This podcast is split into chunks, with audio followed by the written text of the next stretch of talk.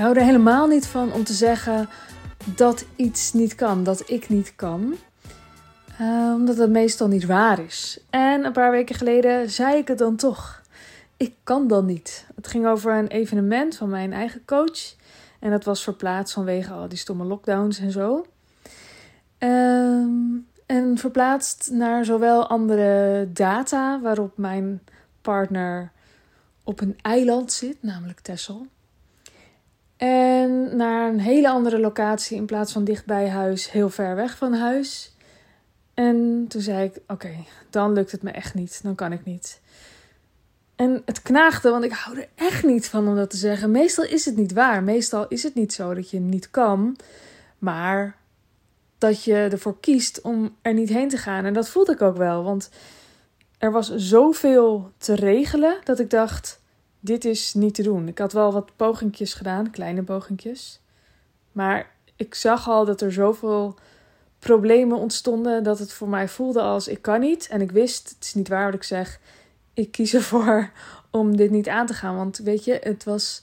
Het ging erom dat zowel s ochtends moest ik iets van oppas gaan regelen, voorschoolse opvang of zo. Of uh, een mens dat ze dan naar school bracht. Vervolgens zijn het ook nog eens allebei dagen waarop wij normaal thuis zijn. Dus de ene dag ik en de andere dag mijn partner. Waardoor we dus ook geen uh, naschoolse opvang hebben. Nou, we hebben zelf geen grootouders in, de, in het land. Dus we hadden al zoiets een tijdje van, nou, we moeten eigenlijk vaste oppas gaan hebben. Of misschien meerdere die uh, een, een, netwerkje kunnen vormen. Dus dat speelde al. Dat was al zo dat ik dacht, daar moet iets mee. Want we kunnen nu geen kant op. En um, nou ja, het zou dan ook nog laat worden. Dus ik moest dan voor na de BSO, ook voor allebei de dagen, oppas hebben. En toen dacht ik, maar ik heb ook geen auto, want die heeft mijn meneer mee. Dus ik dacht, nou, dit is gewoon niet te doen. Dus ik vertelde mijn coach, Suus van Schaik, ik vertelde haar um, dat ik niet kon komen. En toen uh, vond ze dat natuurlijk heel vervelend voor me. En ze kwam me ook nog tegemoet met iets liefs. En nou ja, dat triggerde al helemaal iets. Want ik dacht, ja, hoezo? Ik kan niet. Dus ik dacht, nou, ik ga nog één poging wagen. En toen heb ik dus, ben ik allemaal lijntjes afgegaan.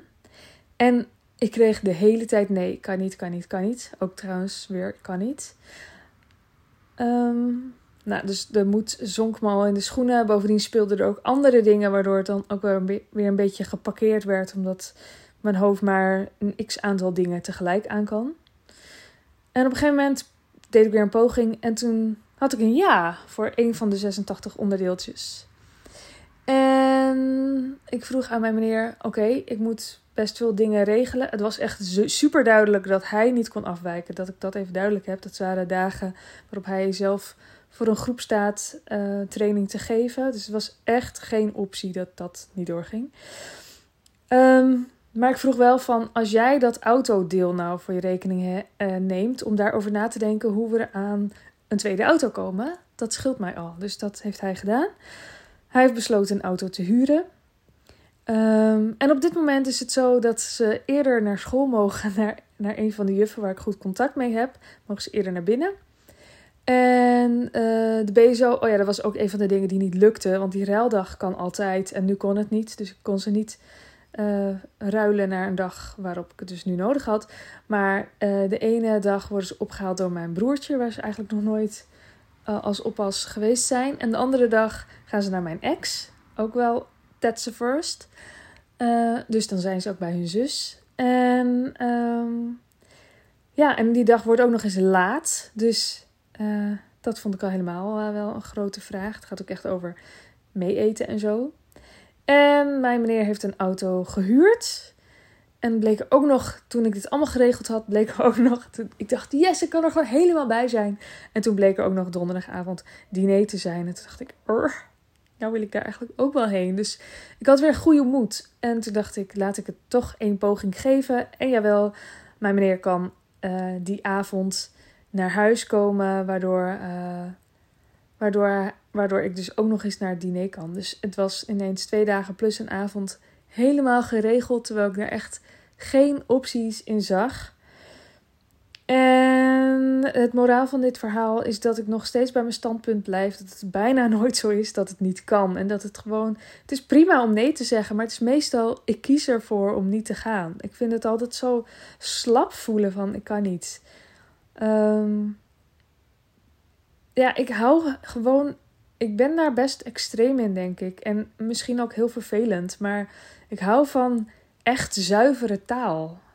En ik zou willen dat dat niet zo sterk was, maar het is echt heel sterk. moet ik gewoon. Ik, ik ehm, verlang daar echt naar. Dat er echt gezegd wordt wat precies gezegd moet worden. En ik weet ook dat, ehm, omdat ik dat zelf in ieder geval altijd probeer te doen. Ik, nou, ik weet dat niet, maar ik heb het idee dat anderen bij mij ook wel eens denken van... Oké, oké, eh, duidelijk. Uh, en dan voel ik me ook wel eens raar in. Maar ja, ik denk dat raar voelen prima is. In ieder geval, juist die trigger dat het nog eventjes zo me tegemoet gekomen werd, die heeft me er echt nog toe aangezet om door te zoeken. En het komt een beetje terug op dat uh, een eerdere podcast waar ik zei dat ik geen winterjas had. Het moet op volgorde. Dus er waren momenten in de afgelopen maand of zo dat ik dit moest regelen, waarin ik dacht: dit, ik voel geen ruimte om dit te regelen.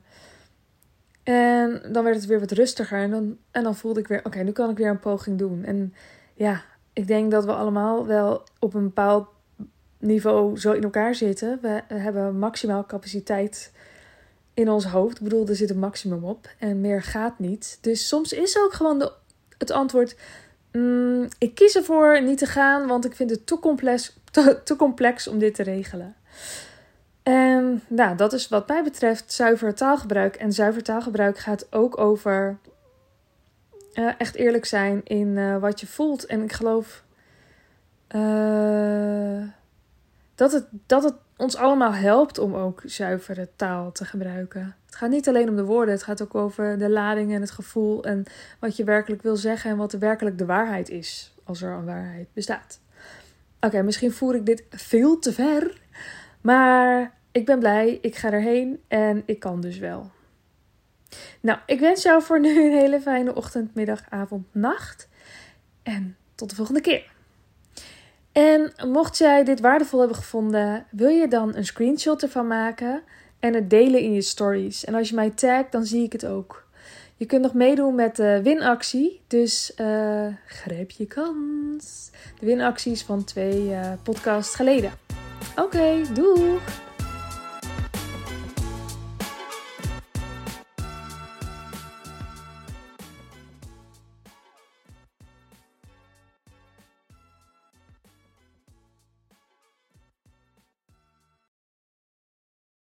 Wil jij bouwen aan 10 keer meer eigenaarschap over je leven? Wil je dat door middel van zelfvoorzienend leven in het kleinste zin van het woord, ondernemerschap en persoonlijk leiderschap? Kom dan bij Community Leven in Vrijheid, waarin een hele groep wilde mensen is die hier ook mee bezig zijn, die dit ook willen en die heel graag met je willen uitwisselen over moestuinieren, over grootse plannen, over hun eigen bedrijf opbouwen, over allerlei aspecten die allemaal samen zorgen voor een, een leven buiten de logge systemen. Ga naar wildemens.nl als je erbij wilt.